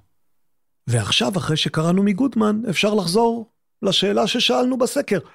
האם לדעתך אלוהים הוא משהו שיש הוכחות שהוא קיים? כאמור, הרמב"ם חשב שהוכיח שהוא קיים. אחרים אולי חושבים שלא הוכיח. מה חושבים המסורתיים שלנו? כבר אמרנו. זה מקום שבו רואים הבדל גדול בין מסורתי דתי למסורתי לא כל כך דתי. מי קובע אם אתה מסורתי דתי או לא כל כך דתי? אתה קובע, או את קובעת. כאשר אנחנו שואלים אתכם, כאשר אנחנו מבקשים אתכם לבחור לעצמכם קטגוריה, אנחנו מציעים אפשרויות. האם אתם חרדים? האם אתם דתיים? האם אתם מסורתיים קצת דתיים? או האם אתם מסורתיים לא כל כך דתיים? או האם אתם חילונים? יש כאמור לא מעט ישראלים שבוחרים להיות מסורתיים. חלקם מסורתיים קצת דתיים, וחלקם מסורתיים לא כל כך דתיים. ההבדל ביניהם ביחס להוכחה לקיומו של אלוהים הוא הבדל מאוד גדול. מקרב המסורתיים הדתיים, הרוב חושבים שיש הוכחות לקיומו של אלוהים, 56 אחוזים. מתוך המסורתיים הלא כל כך דתיים, רק שליש, 36 אחוז חושבים שיש הוכחות לקיומו של אלוהים. עוד בערך 20 אחוז חושבים שאין הוכחות, אבל אולי יום אחד יהיו הוכחות. ועוד שליש חושבים שאין ולא יכולות להיות הוכחות שאלוהים קיים. אגב, בעניין הזה אין הבדל בין מסורתיים לא כל כך דתיים למסורתיים דתיים. גם אצל אלה וגם אצל אלה, בערך שליש חושבים שאין ולא יכולות להיות הוכחות שאלוהים קיים. ההבדל הוא ביחס לשאלה האם יש הוכחות שהוא קיים. מהמסורתיים הדתיים, רוב די משמעותי, או קצת משמעותי חושבים שכן, מקרב המסורתיים הלא כל כך דתיים, רק מיעוט חושבים שכן. השאלה אם יש הוכחות לקיומו של אלוהים, מחייבת כמובן להתייחס גם לשאלה מהו בכלל האלוהים. ראינו כבר שהרמב"ם לא רוצה להתייחס לזה, הוא לא רוצה להתייחס למהותו של אלוהים, הוא הוכיח שאלוהים קיים, הוא לא הוכיח מהו אלוהים. כלומר, אם אנחנו מנסים להוכיח שיש אלוהים, מה אנחנו מנסים להוכיח? גם דמותו של אלוהים עברה טלטלות רבות מאוד במהלך ההיסטוריה ונתפסה בדרכים שונות ומגוונות במקומות שונים ובזמנים שונים. יש ספר שנקרא ההיסטוריה של אלוהים, והוא מנסה לצייר את המהלכים האלה בשינוי דמותו של האל. חלקם מהלכים שהיו מאוד שנויים במחלוקת, חלקם פחות. קארן ארמסטרונג, שכתבה את הספר הזה, מתארת בו, לדוגמה, את המהלך של ברוך שפינוזה שלנו. שלנו, שלנו היהודים. אם אנחנו רוצים לאמץ את שפינוזה אחרי שדחינו אותו מאיתנו. במאמר מוסגר נאמר שזה דבר שהיהודים עושים לפעמים. הם דוחים יהודי שמרגיז אותם, אבל אחר כך אם הוא נהיה ממש חשוב ומפורסם, כמו שפינוזה, הם בכל זאת מתגאים בו ומאמצים אותו מחדש לחיק העם. בכל מקרה, הנה קארן אמסטרונג, מתוך ההיסטוריה של אלוהים, הוצאת כתר, תרגום של אריה חשביה. הפילוסופים של תקופת ההשכלה, כך כותבת אמסטרונג, הפילוסופים של תקופת ההשכלה לא דחו את רעיון אלוהים.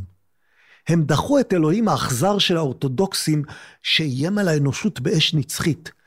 הם דחו דוקטרינות מסתוריות הקשורות לו שהיו משוללות היגיון, אך אמונתם בכוח עליון נותרה בעינה.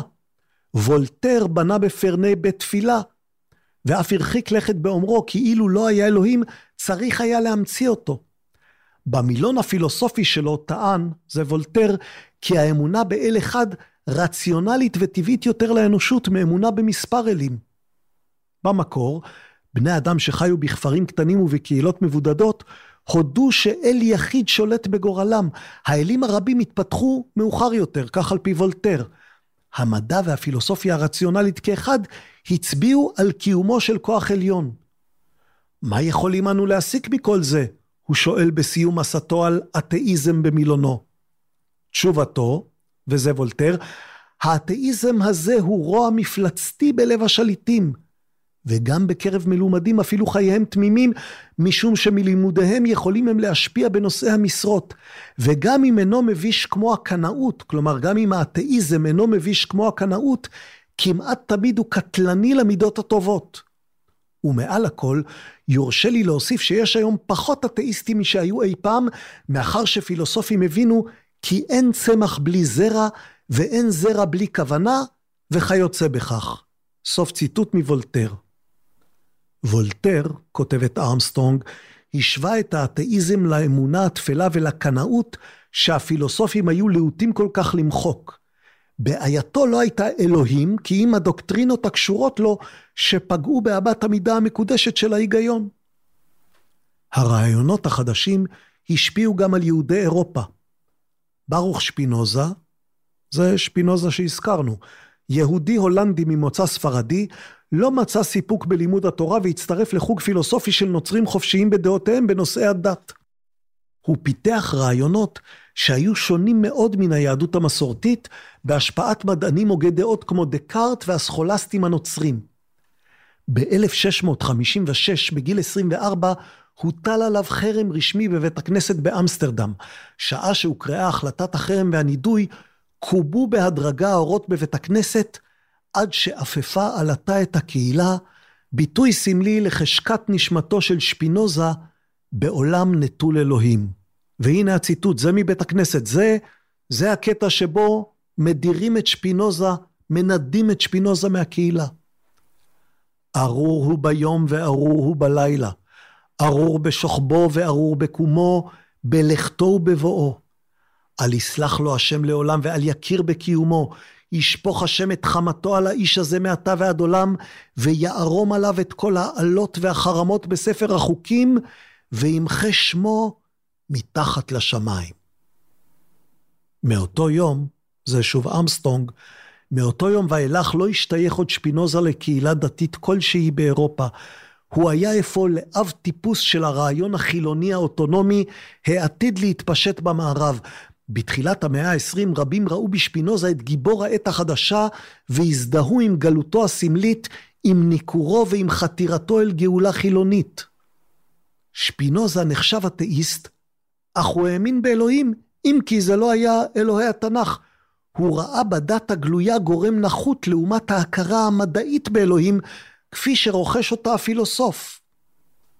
לא הבינו את מהות האמונה הדתית, הוא טען במאמר תיאולוגי מדיני. זו נעשתה, זה ציטוט של שפינוזה, תערובת של אמונה ודעה קדומה, מסכת של רזים חסרי משמעות. הוא העביר את שבט הביקורת על תולדות התנ"ך. בני ישראל קראו לכל תופעה שנפלאה מבינתם בשם אלוהים. לדוגמה, נאמר על הנביאים שקיבלו השראה מרוח אלוהים, פשוט משום שהיו מחוננים בתבונה ובקדושה יוצאות מן הכלל. אך סוג זה של השראה לא הוגבל לאליטה, כי אם עמד לרשותו של כל אדם באמצעות ההיגיון הטבעי. הפולחנים והסמלים של האמונה יכלו לעזור רק להמונים שלא היו מסוגלים לחשוב חשיבה מדעית, רציונלית.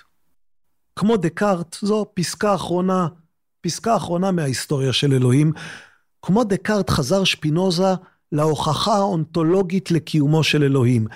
עצם הרעיון של אלוהים מכיל אישור לקיומו של אלוהים, משום שישות מושלמת שאינה קיימת, זו סתירה פנימית. זו ההוכחה האונתולוגית. קיומו של אלוהים נחוץ משום שרק הוא מספק את הוודאות והביטחון הנחוצים להפיכת היקשים אחרים למציאות. העובדה שאנו מבינים את העולם הבנה מדעית, מלמדת אותנו ששולטים בו חוקים שאינם ניתנים לשינוי.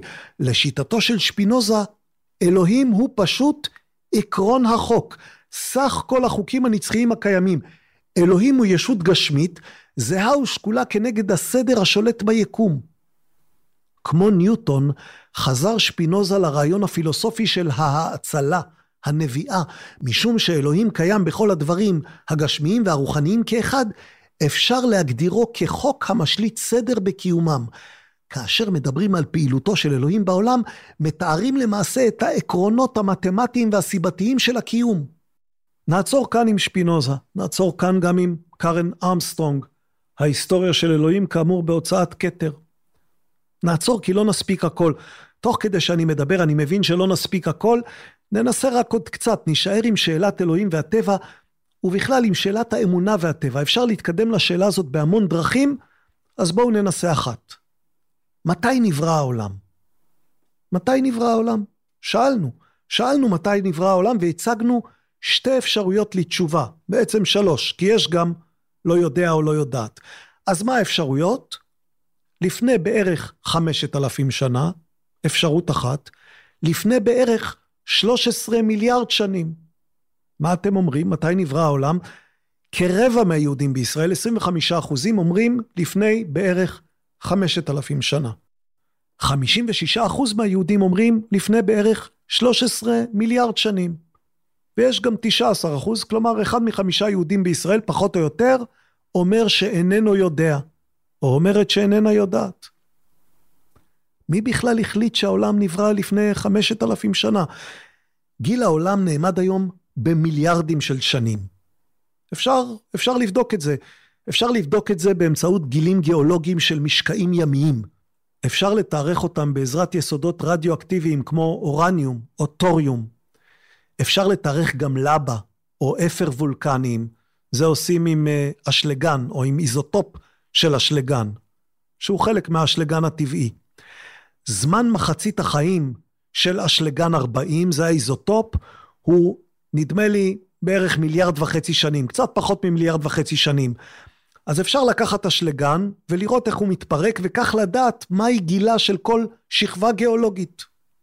כך בודקים מתי העולם נברא, או כמה שנים העולם קיים.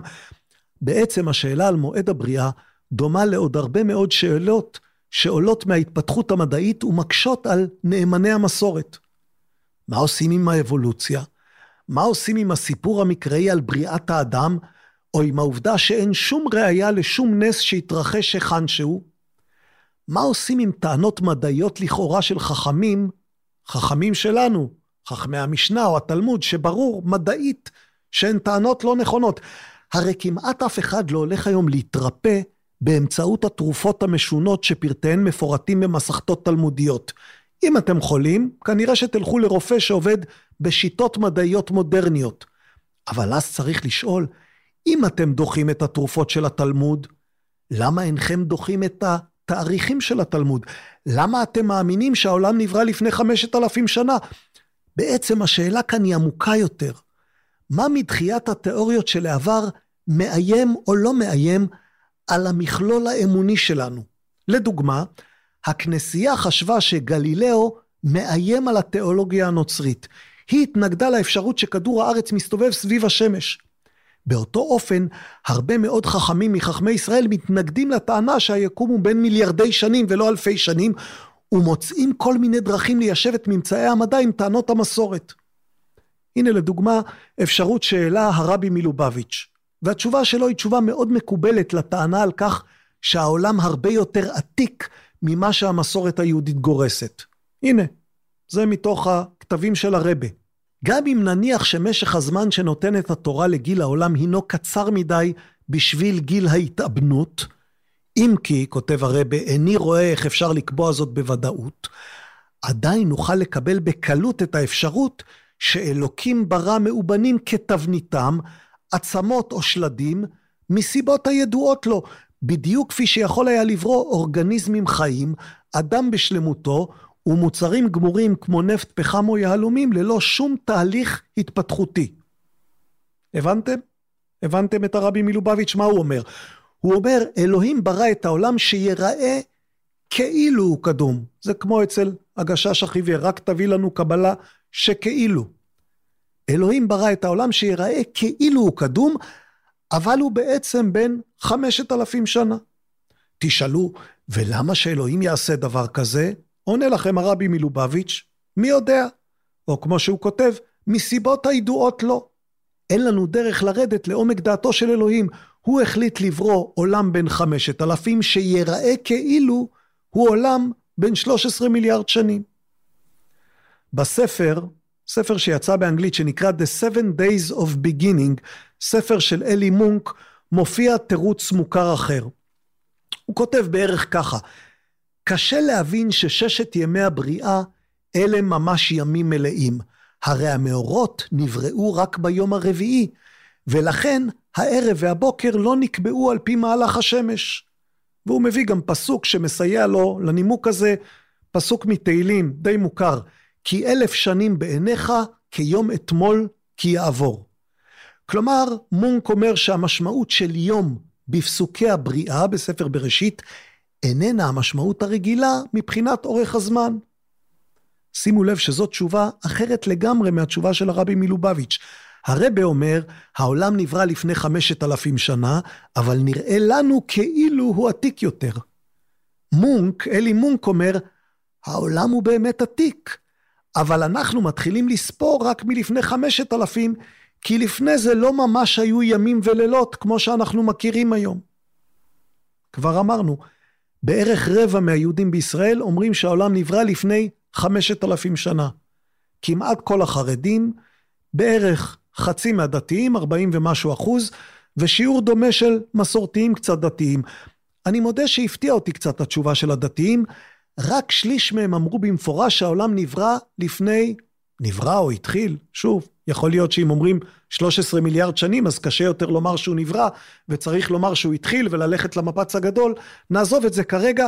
בכל מקרה, רק שליש מהדתיים אמרו במפורש 13 מיליארד שנים, אז אולי הם מסכימים עם הרבי מלובביץ' יותר מאשר עם מונק. בספר שנקרא רציונליות של סטיבן פינקר, שהוא פסיכולוג קוגניטיבי ואינטלקטואל ציבורי חשוב, בספר הזה מצאתי תיאור של ניסוי.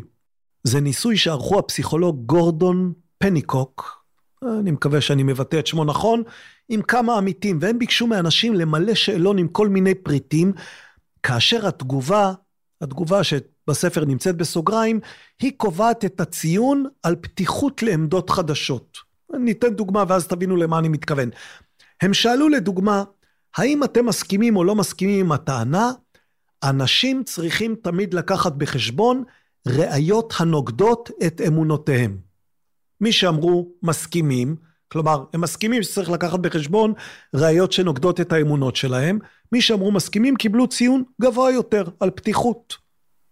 עוד שאלות, הם שאלו, האם אמונות מסוימות פשוט חשובות מדי מכדי לנטוש אותן, ולא משנה כמה חזקות הראיות נגדן?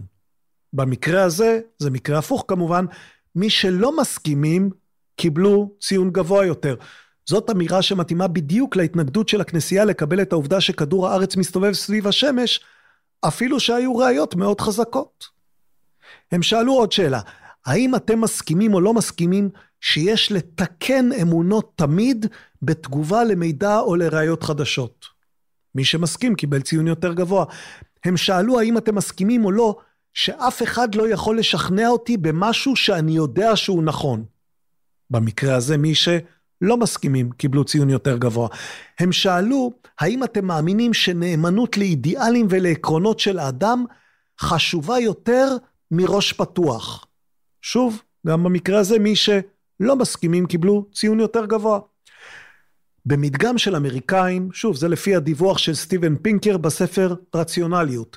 במדגם של אמריקאים, כחמישית מהנשאלים אמרו למעשה שהם אטומים לראיות חדשות. כלומר, לא משנה איזה הוכחות תספקו, הם ימשיכו לחשוב, נניח, שהשמש מסתובבת סביב כדור הארץ. או שהעולם בן חמשת אלפים, או שהתיאוריה של דרווין על מוצא המינים לא נכונה. אבל רוב האמריקאים לפחות שואפים להיות פתוחים לראיות חדשות. במחקר התגלה שמי שפתוחים לראיות יותר עמידים בפני אמונות מוזרות.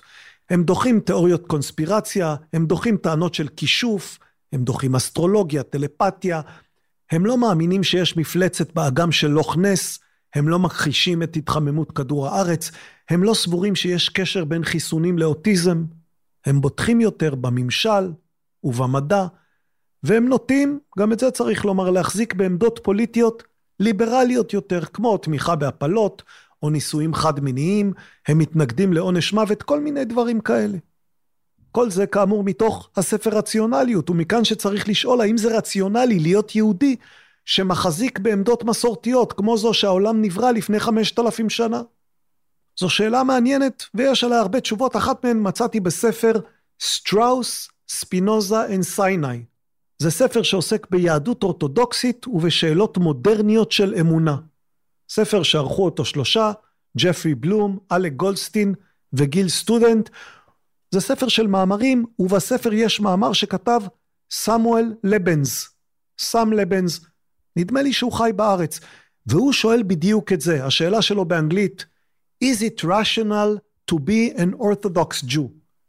האם זה רציונלי להיות יהודי אורתודוקסי? זה ספר שלמיטב ידיעתי לא תורגם לעברית, אז נצטט ממנו כמה פסקאות בתרגום לא לגמרי מוקפד. הנה, כל מי שחושב על הרציונליות של הדת צריך להתמודד לא רק עם הרציונליות האפיסטמית שלה, אלא גם עם הרציונליות המעשית, כלומר, עם מה האינטרס המעשי שלו. האינטרס המעשי של מי שמאמין או לא מאמין. זה מעלה, כך כותב לבנס, זה מעלה את הטיעון המפורסם של פסקל, שטען שגם אם אין לנו הרבה מאוד הוכחות לקיומו של אלוהים, יש לנו אינטרס מעשי להתחייב לדת. למה?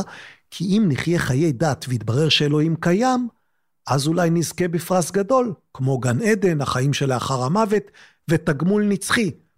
ואם נחיה חיי דת ואז יתברר שטעינו, זה לא יהיה עניין גדול, אנחנו פשוט נמות כמו כולם. אבל אם נחיה את חיינו כחילונים, לא מאמינים, ואז יתברר שטעינו ושהדת צדקה, אז נפסיד הרבה מאוד. לכן פסקל אומר שחיים דתיים הם האינטרס המעשי שלנו. ההימור של פסקל, כותב לבנס, זכה ללעג מפילוסופים מאוחרים יותר. הוא גורם לכל העניין להישמע כאילו יש לנו בחירה אחת, או להיות דתיים או לא להיות דתיים. אבל למעשה יש הרבה דתות שאנחנו יכולים לבחור ביניהן. אז איך אני יודע אם זה האינטרס שלי להיות מאמין קתולי, פרוטסטנטי, מוסלמי, הינדי או יהודי? תפיסה גסה של ההימור של פסקל תביא אותנו למסקנה שאנחנו צריכים ללכת על הדת שמבטיחה את גן העדן הטוב ביותר ואת הגיהנום הגרוע ביותר, כי אנחנו מנסים הרי למקסם את הסיכויים שלנו. האם לא נראה שהרציונליות המעשית דורשת מאיתנו לגדר את ההימורים שלנו? אבל זה נראה אבסורדי. ניתן להציל את ההימור של פסקל. זה עדיין סמואל לבנס, שהוא אגב פרופסור לפילוסופיה ורב. ניתן להציל את ההימור של פסקל על ידי הפיכתו לפחות שאפתני. במקום לנסות לשכנע את כולם בדת מסוימת, עלינו לדבר עם קהלים מסוימים בזמנים מסוימים. קח את קהל האנשים שאנו יכולים לקרוא להם המתלבטים היהודים. הם יודעים שהם יהודים, יש להם זהות יהודית חזקה, והם שייכים לקהילה היהודית. התרבות היהודית חשובה להם, אבל הם פשוט לא יודעים אם הם מאמינים באלוהים. כשגדלתי, כותב לבנס, המשפחה שלי הייתה דוגמה מושלמת לסוג כזה. נהגנו לנסוע לבית כנסת אורתודוקסי, לנסוע ברכב בשבת, ולהחביא את הרכב. חברי משפחתי היו מתחתנים יהודים ומעניקים לילדים שלהם חינוך יהודי, אבל הם לא בהכרח היו כל כך רציניים בשמירה על ההלכה. אני לא יודע אם הם מאמינים באלוהים או לא. כמה מהם כנראה חלק מהזמן אני מתאר לעצמי, וכמה מהם לא. עבור אותו קהל, כלומר בני המשפחה של לבנס, כל דת מלבד היהדות היא כמעט בלתי מתקבלת על הדעת. אם אחותי תתנצר מחר, אמא שלי תהיה שבורת לב. העלויות של ההתנצרות, או העלויות של ההתאסלמות, או המעבר להינדואיזם גבוהות מאוד, כי בני משפחתי מושרשים תרבותית ביהדות. עבור אחותי זה אומר שזה יהיה לא הגיוני לעבור מיהדות שאין לה הוכחות מוחצות, לדת אחרת שאין לה הוכחות מוחצות. מן הסתם אחותי הייתה אומרת שמישהו יצטרך הרבה יותר הוכחות כדי להתמודד עם כל העלויות המעשיות האלה.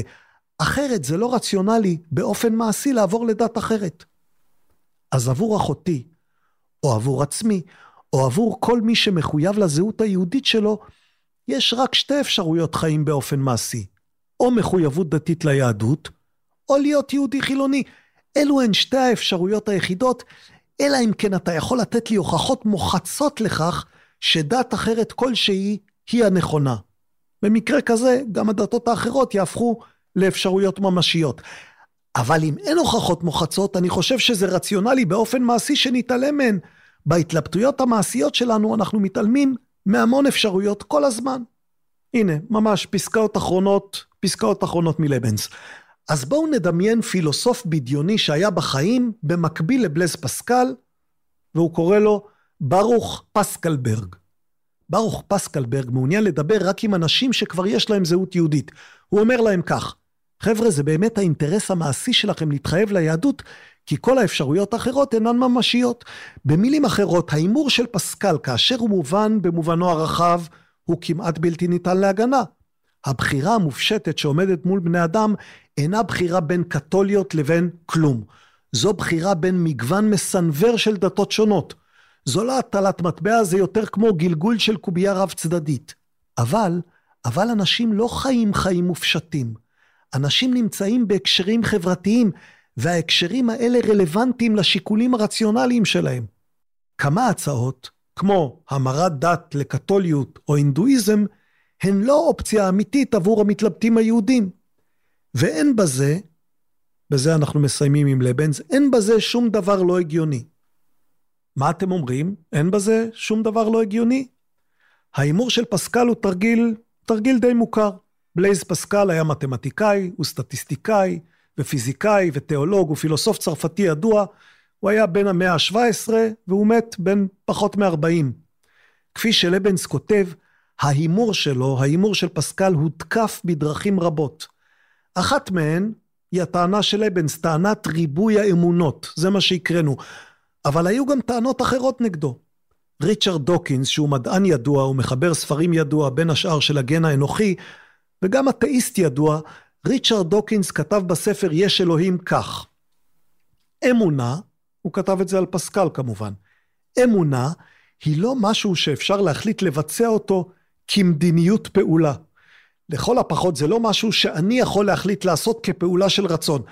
אני יכול להחליט ללכת לכנסייה, ואני יכול להחליט לדקלם את ההלכה, ואני יכול להחליט להישבע על ערימה של ספרי תנ"ך שאני מאמין לכל מילה שכתובה בהם. אבל שום דבר מכל אלו לא יגרום לי להאמין באמת אם אינני מאמין. ההימור של פסקל, כותב דוקינס, יכול לשמש, אם בכלל, כטיעון בזכות העמדת פנים של אמונה באלוהים. ומוטב שאותו אלוהים שאתה טוען שאתה מאמין בו, לא יהיה מהטיפוס של אל כל יודע, כי אז הוא יגלה מיד את העמדת הפנים שלך.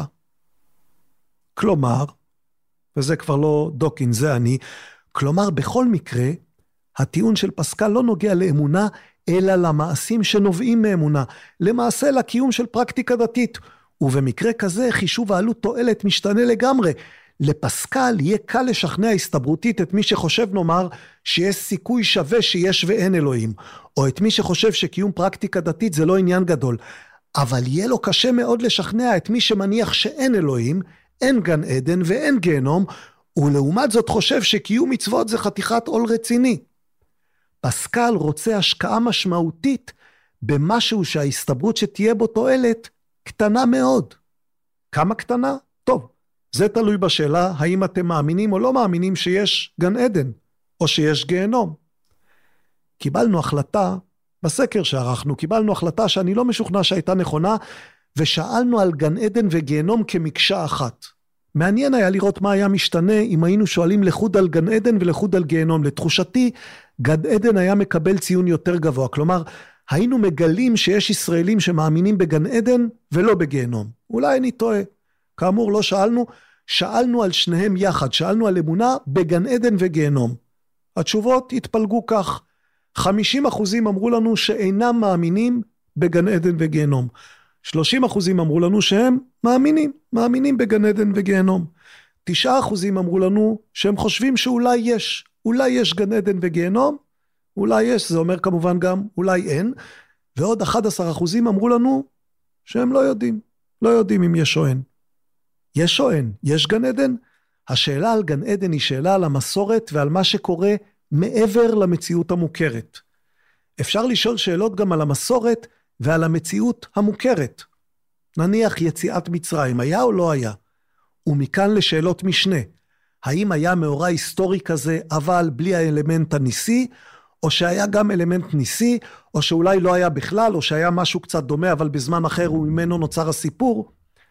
שימו לב לדבר מעניין, בסקר שלנו, 65% מהמשיבים, שני שלישים אמרו שבני ישראל היו עבדים במצרים. כלומר, הם מניחים שהיה עניין היסטורי כלשהו שמתקשר לעבדות וליציאת מצרים. מצד שני, כאשר שאלנו, האם כל הבכורות במצרים מתו בלילה אחד? זה מה שמתארת התורה. שיעור המאמינים ירד מ-65%, שיעור המאמינים בעבדות, ל-35%, שיעור המאמינים במות הבכורות. כלומר, האמונה בסיפור המסגרת, סיפור מסגרת כלשהו על עבדות במצרים, זו אמונה רווחת הרבה יותר מהאמונה שמחייבת גם קפיצה ניסית. אמונה שקרה משהו שמחוץ לגדר הטבע. על איוב לא שאלנו אם היה או לא היה, אבל ישראל קנול מתייחס לאיוב בשלהי ספרו "איך נולד התנ"ך", כאשר הוא מדבר עם שמואל שיר על השאלה איך להתמודד עם הקושי ליישב בין תפיסת המסורת, התורה כולה אמת אלוהית, לבין תחושת האדם המודרני שלפעמים מתקשה לקבל את מה שכתוב בתורה, כמו במקרה של מות כל הבכורות. הנה, אולי בזה נסיים, למרות שיש עוד הרבה מה לומר, הרבה מה לספר על אמונות בכלל ועל אמונות של ישראלים בפרט. נסיים עם ישראל קנול. גם אם סיפור איוב, זה מתוך הספר, גם אם סיפור איוב הוא סיפור בדיוני לחלוטין, איוב לא היה ולא נברא אלא משל היה, כפי שאומר התלמוד הבבלי, בבבא בתרא ט"ו עמוד א', גם אם איוב לא היה ולא נברא, המחבר של ספר איוב לא רואה בעיה ביצירת משל על קבוצה של מייחדי השם שחיים בארץ אדום לפני משה ולפני היות עם ישראל. לפיכך כשאני, זה קנול אומר לעצמו, לפיכך כשאני בעזרת הארכיאולוגיה מגיע לאותה מסקנה, ואתה, אתה שמואל שיר שמראיין אותו, אומר לי, שומו שמיים, איך נחיה עם זה? אני אומר, אם המחבר של ספר איוב לא ראה בעיה לדמות לעצמו הוויה שכזאת, והוא לא חשב שזה עוקר את יסודות הדת, אז בסדר, אני יכול להירגע. שואל אותו שמואל שיר, אתה עונה אולי על חלק מהשאלה, אבל זה עדיין לא פותר לי את הבעיה הזאת. אם התורה היא לא המילה האלוהית הקדושה שניתנה למשה בסיני, אלא יצירה אנושית שהתפתחה במשך דורות, מה נותן לה את התוקף הדתי? והנה כך עונה לו ישראל קנול. אני רוצה להציע תהליך משולב. בעצם, כבר מראשית המקרא אנחנו רואים שהאל מזמין את האדם לשיתוף פעולה. הוא נוטע גן בעדן והוא מזמין את האדם לעובדה ולשומרה. האדם והאל שותפים כאן בעשייה האקולוגית. אחר כך, בסיפור אברהם, בספר בראשית, מסופר שהאל החליט להרוס את סדום, כי היא עיר של אנשים חוטאים ורשעים, ולמרות זאת הוא אומר לעצמו, המכסה אני מאברהם? אני לא יכול שלא לשתף את אברהם במה שאני הולך לעשות. אני חייב לספר לו. והוא מספר לו מה שהוא עומד לעשות. ואז מה קורה? מתרחש הדו-שיח המעניין הזה בין האל ואברהם. שאברהם עומד שם, ואומנם אומר, אנוכי עפר ואפר, אבל הוא עומד ניחכו, ניצב קוממיות מול האל, הוא מתדיין איתו, הוא מתווכח איתו, ובסופו של דבר, אחרי השיחה והדיון, הם מגיעים לאיזושהי הגדרה. ומהי ההגדרה? אם יהיו שם עשרה צדיקים, העיר תנצל. ומכיוון שאין עשרה צדיקים, האל מחריב את העיר. אבל מה בעצם אפשרה ההזמנה הזאת לאברהם? יש פה היבט מעניין, אני מדלג טיפה. יחזקאל קויפמן העיר על כך ואמר שכשהמקרא רוצה לשאול את השאלות המוסריות הגדולות, כמו שאלת הענישה הקולקטיבית, הוא בוחר זירה לא ישראלית, סדום או ארץ כי תחתה והיו בה שלושה צדיקים שלו מישראל, וכך לגבי השאלה הגדולה על אודות סבלו של הצדיק, בעיית הרוע. גם כאן נבחר גיבור נוכרי, והדיון הוא לא על רקע ישראלי, כאן הוא מדבר על איוב. קויפמן אומר, הבחירות הללו אינן מקריות. המקרא רוצה לומר ששאלות מוסריות גדולות הן לא עניין פרטי לאומי, אלו הן שאלות אוניברסליות, לכן צריך לדון בהן על רקע אוניברסלי. מכל מקום, ותכף נסיים עם קנול, מכל מקום אני חוזר לאברהם בסדום. ההזמנה הזאת שאלוהים מזמין את אברהם, הביאה בעצם לעידון הנורמות של הענישה. מהי ענישה צודקת? זה לא מוצדק לענוש ענישה קולקטיבית, כמו שאברהם אומר לאלוהים, האף תספה צדיק עם רשע, השופט כל הארץ לא יעשה משפט. איך זה אפשרי? האם זה מוסרי? מכאן נובעת השאלה עד כמה? מהו הגבול? כמה אנשים צדיקים יביאו לידי כך שפסק הדין שהוטל על עיר שלמה של רשעים יתבטל? לא ברור. ומתוך הדיון הזה יוצאת המסקנה, עשרה, מניין של צדיקים יגן על העיר ויציל אותה. פחות מזה, לא. אבל מה אני רוצה לומר בזה? וכאן אנחנו כמעט מסיימים. אני רוצה לומר בזה משהו רחב יותר, אומר קנול. אני רוצה לומר בזה שהאל לא פועל לבד בחלל הריק. התורה ניתנה לבני האדם, והיא ניתנת לבני אדם כשבני אדם שותפים עם האל בעיצוב, בליבון, בשכלול של התורה. אני רוצה להציע לא לראות את התורה כאו-או. או שזו תורה למשה מסיני והכל ניתן מידי האל למשה בסיני מילה במילה, או ללכת לקצה השני ולומר לא, זו ספרות עתיקה, כמו חוקי חמורבי. אני חושב שלא צריך ללכת באופן הקיצוני הזה, לא לצד הזה ולא לצד הזה, אלא אפשר לומר, יש כאן יסוד של התגלות, אבל התורה ניתנת לבני ישראל על מנת שהם יפתחו וישכללו את הגרעין שניתן להם, עד שהוא יגיע לתוצר הסופי. עד לתוצר הסופי. עד כאן ישראל קנול. עד כאן שיטוט לא ממצה, אבל די ארוך כבר ככה, בין אמונות של יהודים בישראל. עכשיו יבוא עוד סיום, ואז כמה הודעות לקראת ההמשך.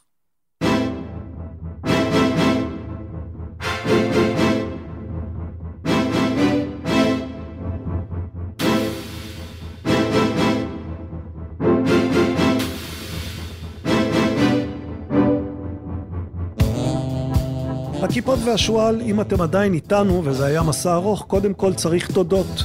כי הפעם הסתמכתי על עבודה של שני עמיתיי באתר המדד, פרופסור קמיל פוקס ונוח סלפקוב. אני מושקע מאוד במיזם של הכיפות והשועל, ומושקע מאוד גם במיזם של המדד, ולפעמים קשה לתעדף ולתמרן. אבל במדד יש לי שני שותפים חכמים וחרוצים שחולקים איתי בנטל, ואני שמח על כל יום של שותפות איתם, ומודה להם על שהם מוכנים לסבול אותי, וזה לא תמיד קל. בואו לבקר באתר המדד ותראו מה אנחנו עושים שם. מדד קום, דמדד, המדד, נקודה קום.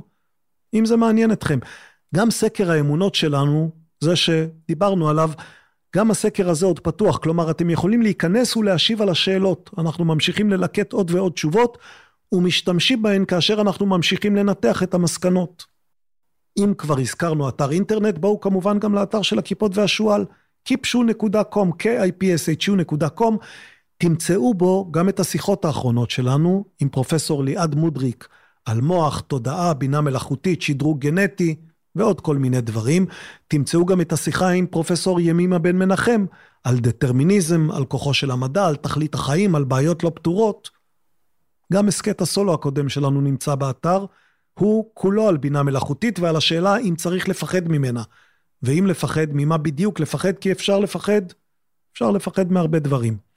באתר שלנו תוכלו למצוא גם את הספר למה בטהובן, ותוכלו למצוא כישורים לכל 100 היצירות, 100 היצירות של בטהובן שהספר דן בהן. אנחנו כאן משתדלים לשמור על שגרת חירום ולספק מפלט מרעש החדשות החשובות, כדי שתוכלו לעשות הפוגה מעת לעת. סוג אחד של הפוגה זה להאזין להסכתים שלנו. סוג אחר של הפוגה זה להאזין לביצועים הנפלאים למאה יצירות של בטהובן, כפי שבחר אותן נורמן ליבריכט, מחבר הספר למה בטהובן, שעוד יגיע לחנויות מתישהו, כשיהיו מוכנות לקלוט ספרים חדשים. גם לחנויות הספרים לא קל עכשיו, במציאות הישראלית הקשוחה. סדרת ההסכתים הכיפות והשועל נעשית בשיתוף עברית, אתר התוכן הספרותי הגדול בישראל המציע לקרוא בכל דרך ספרים דיגיטליים, קוליים ומודפסים. היא נעשית בעזרתו של דולב אזולאי מעברית, והיא מופקת ונערכת על ידי יעל לוינובסקי. תודה דולב, תודה יעל. אנחנו כאן פעם בשבועיים, פעם סולו, פעם בא אורח או באה אורחת. יכול להיות שבשבועות הקרובים נצופף קצת כדי שיהיה יותר. הקלטנו, כבר הקלטנו, פרק עם הסופר יונתן דשליט, סופר המתח הישראלי. אתם יכולים לקרוא קצת בספרים שלו אם אתם רוצים להתכונן לפרק הבא. זה יהיה הפרק הבא שלנו, שיחה עם יונתן דשליט.